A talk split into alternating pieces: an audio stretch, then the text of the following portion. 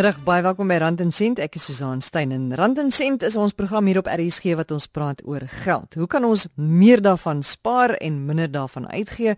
Hoe kan ons dit goed belê en hoe kan ons anders dink oor geld sodat ons geld vir ons werk en nie soseer net ons altyd vir ons geld nie? Vanmiddag gaan ons 'n luisteraarsbrief beantwoord. So daarvan gepraat, onthou die e-posadres het verander. Dit is nou susan@rsg.co.za. Dis S U Z A A N by rsg.co.za. Ons gaan nou kyk na wyn as 'n manier om ons geld te belê. Is dit enigstens 'n goeie manier? Kan ons goeie geld maak? Hoe lyk die situasie in Suid-Afrika? En ons gaan by 'n lewensafrigter en kenner van die neurowetenskap uitvind of ons die manier waarop ons breine geprogrammeer is oor geld of ons dit kan verander sodat ons daai geldmentaliteit van ons kan verbeter. Maar eers gou ons luisteraars navraag. Die persoon het vir ons ingeskryf en gesê ons het so ruk gelede het ons gepraat oor eiendomsbeleggings en toe skryf die persoon en sê kan julle asseblief volgende keer gesels oor hoe om finansiering te kry as jy reeds 1, 2 of 3 eiendomme het. Persoon sê ook banke neem nie sommer jou huurinkomste in ag nie en jou paaiement mag nie meer as 30% van jou maandelikse inkomste wees nie. Hoe nou gemaak? Nou Gert van Staden is die hoofuitvoerende beampte van die P3 Property Investment Groep wat landwyd eiendomsbeleggings doen en uh, ek wou by hom weet hoe ons hierdie luisteraar se vraag op die beste manier kan beantwoord. Gert. Die banke se uitgangspunt ingevolge die bepalinge van die nasionale kredietwet is jy mag 30% van jou bruto inkomste spandeer op kredietverwante paaiemente op voorwaarde dat daardie 30% nie jou besteedbare inkomste oorskry nie. As jy 90000 'n maand verdien, dan is die 30% 30000 'n maand en jy moet dan 30000 rand besteedbare inkomste bewys. Dit op die huidige prima koers vertaal na 3 miljoen rand in totaal dit is nie heeltemal korrek dat die banke nie hier inkomste in ag neem nie. Wat van die groot banke bereid is om te doen op voorwaarde dat jy aan sekere vereistes voldoen, is hulle bereid om 'n sekere persentasie van jou huurinkomste in gedagte te hou en dit in berekening te bring. Die baie belangrike ding is voordat jy bank toe gaan en aansoek doen vir 'n verdere verband, is kry die dienste van 'n goeie verbandmakelaar en hulle doen vir jou 'n pre-kwalifikasie voordat jy bank toe gaan. Dit gaan vir jou sê wat jy kan spandeer. Nou kom jy op 'n stadium waar jy jou besteedbare inkomste opgebruik het en die bank sê vir jou ek gaan nie meer vir jou verbande gee nie. Dit is die gevolg van vorige swak beplanning van die groei van jou portefeulje. Nou kan jy heen gaan en uh, herstruktureer. 'n Voorbeeld hiervan is jy het drie eiendomme in jou persoonlike naam.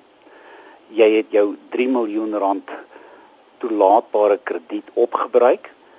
Die feit dat jy van daardie 3 miljoen rand nou net 1 miljoen rand skuld, maak nie vir die bank saak nie. Hulle kyk na die totale kapitale blootstelling soos op datum oorspronklik van registrasie van die verband.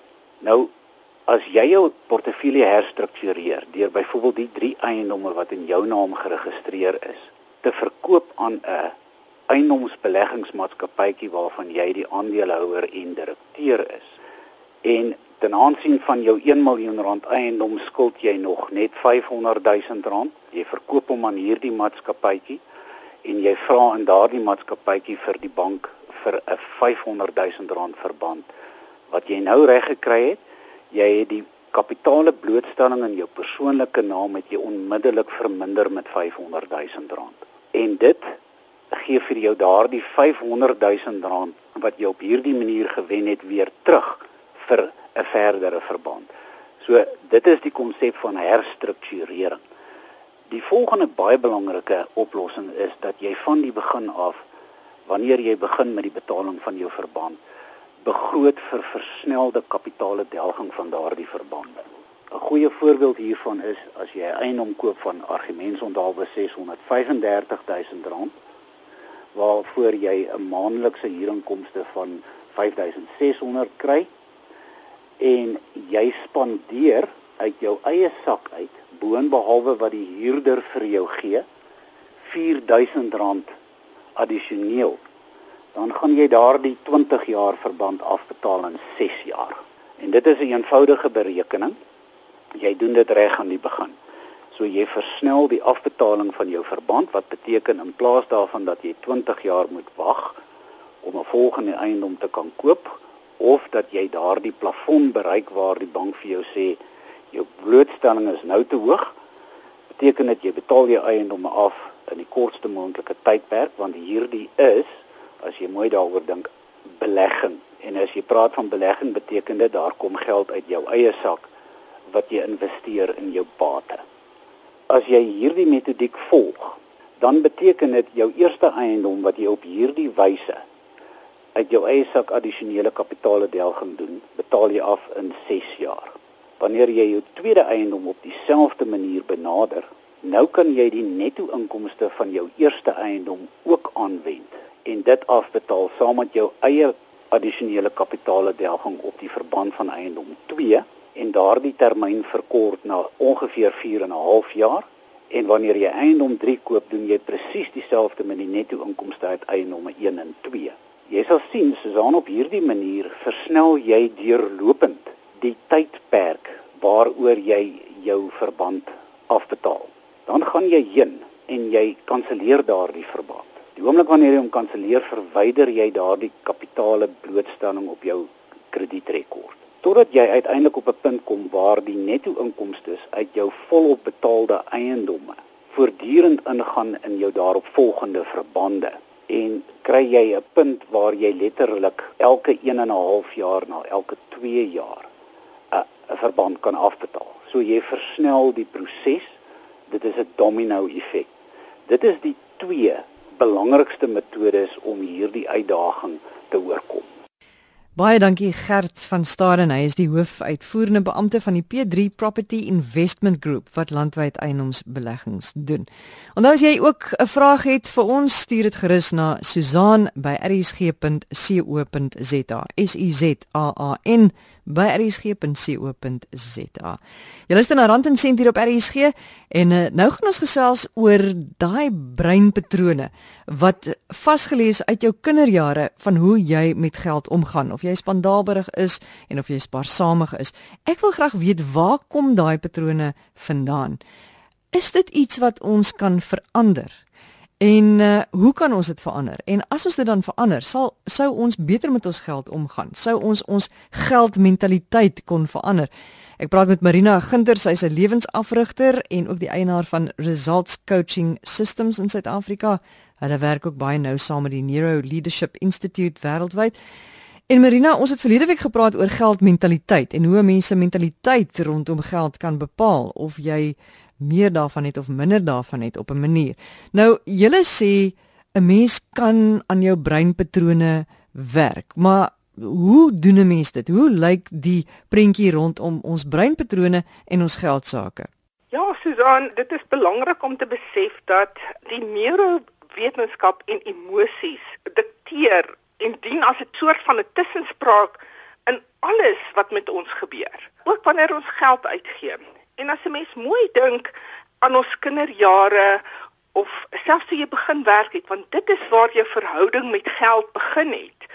En daai gewoontes wat jy aangeleer het, kom van om te sien, mm, as dit einde van die maand is, dan is daar lekker baie geld en ons kry sjokolade en chippies en ons kry tot gas koeldrank maar as dit so hier in die middel van die maand word dan word dit later dan net gewone kos en uh, miskien as dit nou baie ellendig gaan dan is dit dalk net pap of dalk net 'n stukkie roosterbrood en dan is dit weer die einde van die maand.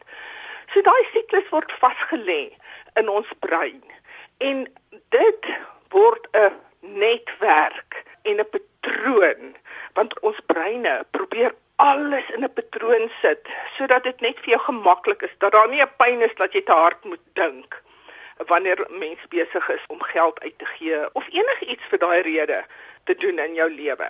Marina, jy het nou gesê ons sien wat gebeur in die in die in die ouerhuis en dan leer ons nou daai patrone aan. Maar nou ken ek ook mense wat sê nou maar wie se ouers so geleef het, maar hulle het weer 'n heeltemal 'n ander verhouding met geld. Of ek ken mense wie se ouers baie spandabelrig is en hulle is dan nou weer baie meer kyk baie beter na hulle geld of ouers wat nie geld gehad het nie en heeltyd angstig was daaroor terwyl hulle dan nou weer baie geld het. Hoe sal 'n mens dit verduidelik? Ek wil dit baie graag vergelyk met 'n storie van 'n ouer paar waar die man baie gedrink het en hy twee seuns gehad en die een het 'n alkoholist geword en die ander een het 'n geheel onthouer geword. En wanneer dit gebeur, dan sê mense vir die een wat 'n alkoholist geword het, "Nou wat het met jou gebeur?" Dan sê hy, "Ja, dit het met my gebeur want my pa se alkoholist." En dan vra jy vir een wat 'n geheel onthouer is, "Wat het met jou gebeur?" Dan sê hy, "Dis omdat my pa alkoholist is." En dit wys net dat niemand se brein verwerk goed op dieselfde manier nie. Verskillende patrone word vasgelê.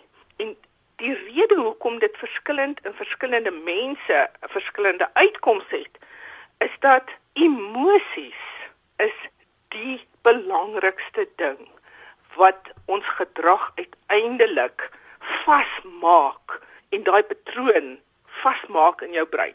Want ons brein wil net alles voorspel. En dan het jy 'n emosionele reaksie op wat jou brein besig is om te voorspel. En as dit is o, my pa lyk grand as hy daar sit met sy glas wat hy ook al drink, dan word die patroon vasgelê. Mm, dis 'n gevoel, dis 'n wonderlike gevoel. Ek word beloon. Ek wil ook so wees. Of 'n ander iets wat kan gebeur en soos dit nou in die geheel onthouer se geval gebeur het. Oeg, dit lyk vir my so lelik as my pa so sit en hy praat so hard. Ek wil nooit so wees nie.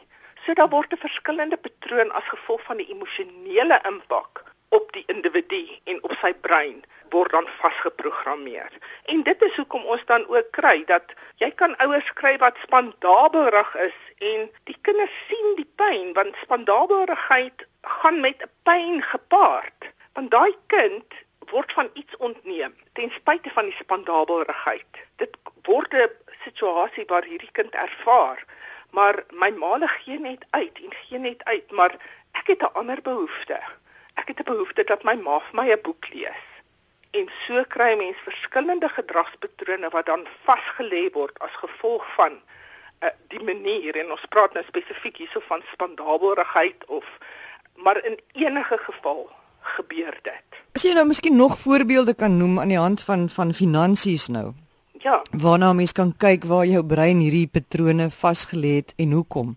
Ek dink 'n uh, persoonlik as 'n mens nou dink aan uh, aan finansiële goed en ek sal 'n persoonlike voorbeeld gebruik. Ek kan nogals baie goed met my geld dit uitsorteer en werk en sorg dat alles vlot verloop. Maar jongie, as jy my kleinkinders noem, dan is my hand net oop. Ek sal selfs goed gaan koop al dink ek, weet jy, ek kon eintlik iets anders vir myself gekoop het wat vir my beter sou gewees het. En dan kan 'n mens amper op 'n punt kom en sê, maar is ek nie besig om in daai sin spandabel rig te wees nie.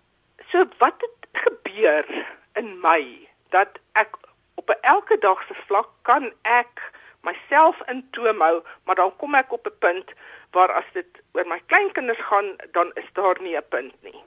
En persoonlik dink ek, dit is omdat ek as 'n kind ervaar het dat my ouma hulle was nie wel af nie. Maar wow, ons was die beste goed wat met hulle gebeur het en dan het sy vir my 'n kerkhoed gaan koop in hulle armoede en dat ek graag daai rolmodel wil navolg. En dan moet ons besef dat dit is iets waar ons as ek wil amper sê groot mense 'n geweldige verantwoordelikheid het om jou kind te help om geprogrammeer te word om verantwoordelikheid te neem vir die dag wanneer hy sy eie geld het. So Marina, dit was nou regtig baie baie interessant geweest. Baie dankie Marina Ginter, lewensafrigter en eienaar van Results Coaching Systems in Suid-Afrika. Hulle werk ook baie nou saam met die Neuro Leadership Institute wêreldwyd. En volgende week wil ek weet hoe kan ons dan nou werk daaraan om hierdie verandering in ons breinpatrone teweeg te bring. Nou, ek het 'n uh, tyd gelede 'n artikel gelees oor wynbeleggings en hoe gewild dit oor see is om in wynfondse te belê. En ek wou geweet het hoe lyk die situasie in Suid-Afrika? Benny Howard is 'n wynkenner en 'n wynbeoordelaar en 'n spesialis op die gebied van wyne. En ek wou by hom weet hoe die beleggingsmark in wyn in Suid-Afrika lyk. Want dit lyk vir my mense moet nogal jou storie ken voordat jy sommer in wyn kan begin belê. Dit is 'n baie gespesialiseerde mark. Daar is min mense wat genoeg kennis het om dit as 'n voltydse belegging te kan bestuur. Dikwels in Suid-Afrika sal dit individue wees, maar in die buiteland is daar natuurlik groot fondse wat dit namens beleggers bestuur. Kom ons kyk net gou-gou na die buitelandse fondse. Ja, dis gebaseer hoofsaaklik in Engeland en in die FSA waar daar fondsbestuurders is wat mense kry wat kom belê by hulle en dan koop hulle op advies natuurlik van spesialiste koop hulle wyn aan. Dit word in groot stoorruimtes wat perfek is vir die veroudering van wyn gebeere. En dan na 'n sekere periode word die wyn dan herverkoop wanneer die ouderdom van die wyn so is en die kwaliteit dat dit nou die mark kan bevredig as 'n topkwaliteit wyn wat goed verouder het. So dis 'n baie gespesialiseerde mark aan die een kant wat die aankoop betref, maar ook aan die ander kant van hoe dit bestuur word. En ek dink die opbrengs daarvan het oor die jare gewys dat dit eintlik 'n baie gesonde mark is. Dis nie groot nie, maar ons moet aanvaar dat daar is 'n klomp wyn in die wêreld wat geweldig vinnig toeneem in prys die oomblik wanneer dit verouder is en ons praat dan nou van 10, 15 jaar. So mense moet 'n bietjie geduld hê as jy in die buiteland is. Jy gaan nie jou geld onmiddellik maak nie. Jy gaan ten minste 5 jaar periode moet wag voordat daardie return on investment gaan deurkom. Is dit toeganklik vir enige iemand?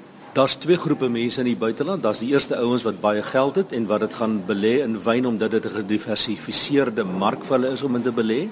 En in die tweede plek is daar wynliefhebbers en dan gaan daar natuurlik wynhandelaars wees want hulle weet hulle gaan 'n produk koop wat ideaal verouder is. Hulle hoef dus nie te betaal daarvoor nie en die koste wat hulle gaan moet betaal om dit self te doen is ver meer as wat hulle gaan kry die voordeel om dit in hierdie sogenaamde bonded warehouses te bære.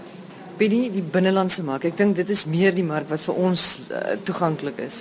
In Suid-Afrika het ons bittermin van so 'n bestuurde uh, stelsel van veroudering van wyn. Die Bergkelder hier in Stellenbosch is omtrent die enigste ene wat so 'n verouderingspotensiaal het Hulle doen nog altyd goeie werk, maar die volume daarvan dink ek is nie so groot as wat ons dit graag wil hê nie. So daar is een of twee plekke waar mense dit wel kan gaan doen. Wat daar gebeur is jy koop die wyn vooraf, hulle bære dit vir jou en dan kan jy dit onttrek op 'n later stadium. So jy belê nie eintlik geld om daarin rente te verdien nie. Jy kry net die verouderde produk aan die einde van die dag. Dan is daar privaat persone en ek sou raai daar's miskien 100 of so van hulle in Suid-Afrika wat hulle eie kelders by hulle huise het of op 'n ander plek wat perfek toegerus is vir die veroudering van wyn en hulle koop heel waarskynlik 50 of 60 kiste van die topwyne wat ons weet goed verouder en wat goeie pryse behaal na 'n paar jaar se veroudering. Hulle koop dit aan, bære dit en dan sal hulle dit herverkoop. Nou waar verkoop jy dit? Jy het 'n paar plekke. Jy kan dit aan restaurante en hotelle verkoop wat hierdie hoë prysklas wyne sal dra spesifiek vir die toeriste. Of hulle verkoop dit natuurlik aan vriende of hulle verkoop dit aan een of twee van die spesialis wynwinkels wat ons het in Suid-Afrika. Maar nou praat ons nie van 'n paar bottels nie, jy praat van 'n 'n redelike volume wyn wat jy moet bære. So jy moet genoeg kapitaal hê om dit te begin want dit gaan jou ook 5 na 8 na 10 jaar neem voordat jy daardie sirkel voltooi het wat jy agterin sit kan jy vooruithaal. Dan is daar natuurlik van die handelaars self wat wyn koop en belê in wynvoorraad om dit dan te bære vir hulle eie doeleindes. Ons dink hier byvoorbeeld aan van die top lodges wat by die wildtuin is byvoorbeeld. Hulle koop wyn aan, bære spesifiek en verkoop dit dan oor 4 of 5 jaar natuurlik teen 'n baie goeie wins. Weereens gemik op die toerisme mark. Ek dink die die man in die straat gaan moeilik wins maak uit die paar bottels wat hy het. Ek kry dikwels oproepe van mense wat sê ek het by my oupa 'n bottel gekry van 1948. Wat is dit werd? Waar gaan ek dit verkoop en dies meer? Ons het nie regtig waar so 'n mark nie. So 'n klompie jare gelede het Sotheby's in Londen uh, se kantoor wat in Suid-Afrika gebaseer was, het eenmal 'n maand 'n veiling gehad waar jy jou wyn uit jou kelder uit kon gaan verkoop. Dit het heeltemal doodgeloop. Ek dink oor twee redes. Die een is die kwaliteit van die bæreplek het nie altyd voldoende gewees om te waarborg dat die wyn wat jy koop gaan topklas wees in terme van veroudering nie. En die tweede plek die volume was redelik skraal. Ek sal dit nogal vreemd vind as ons nie in die volgende jaar of 2 weer so 'n veiling aksie gaan begin kry nie want ek kry baie mense wat sit met groot volumes wyn wat nou 5 na 10 jaar oud is veral rooiwyn en wat reg is om verkoop te word maar waar verkoop hy dit so miskien is dit tyd dat ons in Suid-Afrika weer so 'n uh, 'n uh, openbare wynveiling konsep kry so as ek 'n individu is ek nou Susan en ek dink wel ek wil 'n bietjie belê in wyne. Dan is dit nie eintlik regtig vir my 'n goeie beleggingsopsie nie. Dis slegs 'n beleggingsopsie as jy voldoende voorraad kan koop en bære en dan verseker as jy het 'n mark om dit aan te verkoop. Dit sal nog altyd 'n ek dink 'n plesier of 'n stokperdjie wees as jy sou 10 kussies van jou gunsteling rooiwyn koop en jy gaan self 5 kussies daarvan drink oor die volgende 5 jaar en die ander 5 gaan jy aan uh, 'n uh, restaurant verkoop of aan 'n wynwinkel of aan jou vriende. Maar dis klein geld waarvan 'n mens praat. Maar is 'n mens nie veronderstel om daai wyne by die regte temperatuur te hou en by die regte atmosfeer en regte omgewing om dit regtig te gebruik as 'n beleggingswyn wat jy oor 5 of 10 jaar wil verkoop nie? Jy's doodreg. Dis presies wat 'n mens moet doen en dit is een van die redes hoekom ek dink in Suid-Afrika ons nie hierdie groot wynfondse het nie is dat ons klimaat is van so aard dat jy moet 'n spesialis area kry om dit te bære so temperatuur humiditeit dat die kurke nie uitdroog nie speel 'n geweldige belangrike rol. En dan natuurlik moet 'n mens seker maak dat jy ook die wyn koop wat uiteindelik gaan vir jou die hoër winsgrense kan gee. En ek dink dis wat ons die probleem mee sit is dat ons het nie genoeg daarvan in Suid-Afrika nie. Bloot omdat ek dink ons het nog nie genoeg van die topverbruikers wat daarin sal belê om geld te maak nie. Hulle belê hulle geld makliker op die aandelebeurs as wat hulle dit in wyn gaan belê. Die wynmense doen dit self.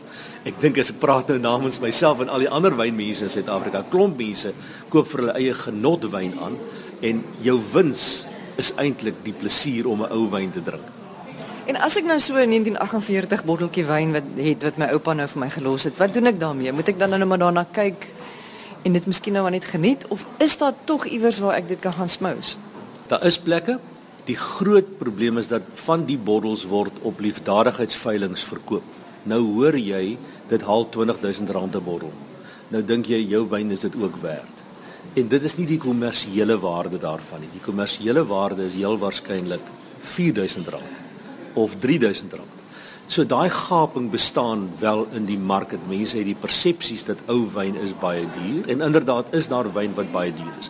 Ek neem net sommer een voorbeeld. Seker een van Suid-Afrika se spogwyne is die GS George Spies Cabernet van 1966. As jy vandag so 'n bottel het wat 'n goeie vulhoogte het, gaan jy heel waarskynlik vir hom kan R10000 kry. Maar dis bitter skaars. Daar is dalk nog 100 bottels in omloop in Suid-Afrika en baie van die ouens wat dit het, verkoop dit nie en gaan dit liewer self geniet. Maar dis een voorbeeld van 'n wyn wat 'n ikoonwyn geword het in Suid-Afrika en jy sal selfs mense kry wat dalk in daai jaar gebore is wat dit gaan wil koop teen R20000 of R30000 'n bottel. En dan kan jy sê, "Sjoe, die ding het geweldige waarde." So net punt 1 2 3 wat ek moet onthou is ek dink daaraan, "Ooh, miskien is wyne beleggingkie vir my." Nommer 1, kry iemand wat vir jou raad kan gee om die beste wyn te kan koop om te verouder. Nommer 2 kry 'n goeie plek om dit te bære. En nommer 3 maak seker voor jy begin koop dat jy die afsetpunt het om dit te verkoop op 'n later stadium oor 'n periode van 4 of 5 jaar. As jy daai 3 goed gedoen het, dan kan jy maar begin belê. As hy, ek hoop ons luisteraars weet nou 'n bietjie meer diegene wat graag in wyn wil belê wat se moontlikhede daar alles is. Baie dankie aan Benny Howard, hy is 'n spesialis kenner op die gebied van wyn. Dis al van Rand en Sent vir vandag. Ons gesels volgende Sondagmiddag 5uur verder. Onthou die e-posadres susaan@rsg.co.za. Dis S U Z A A N by rsg.co.za. 'n Wonderlike week tot volgende Sondag.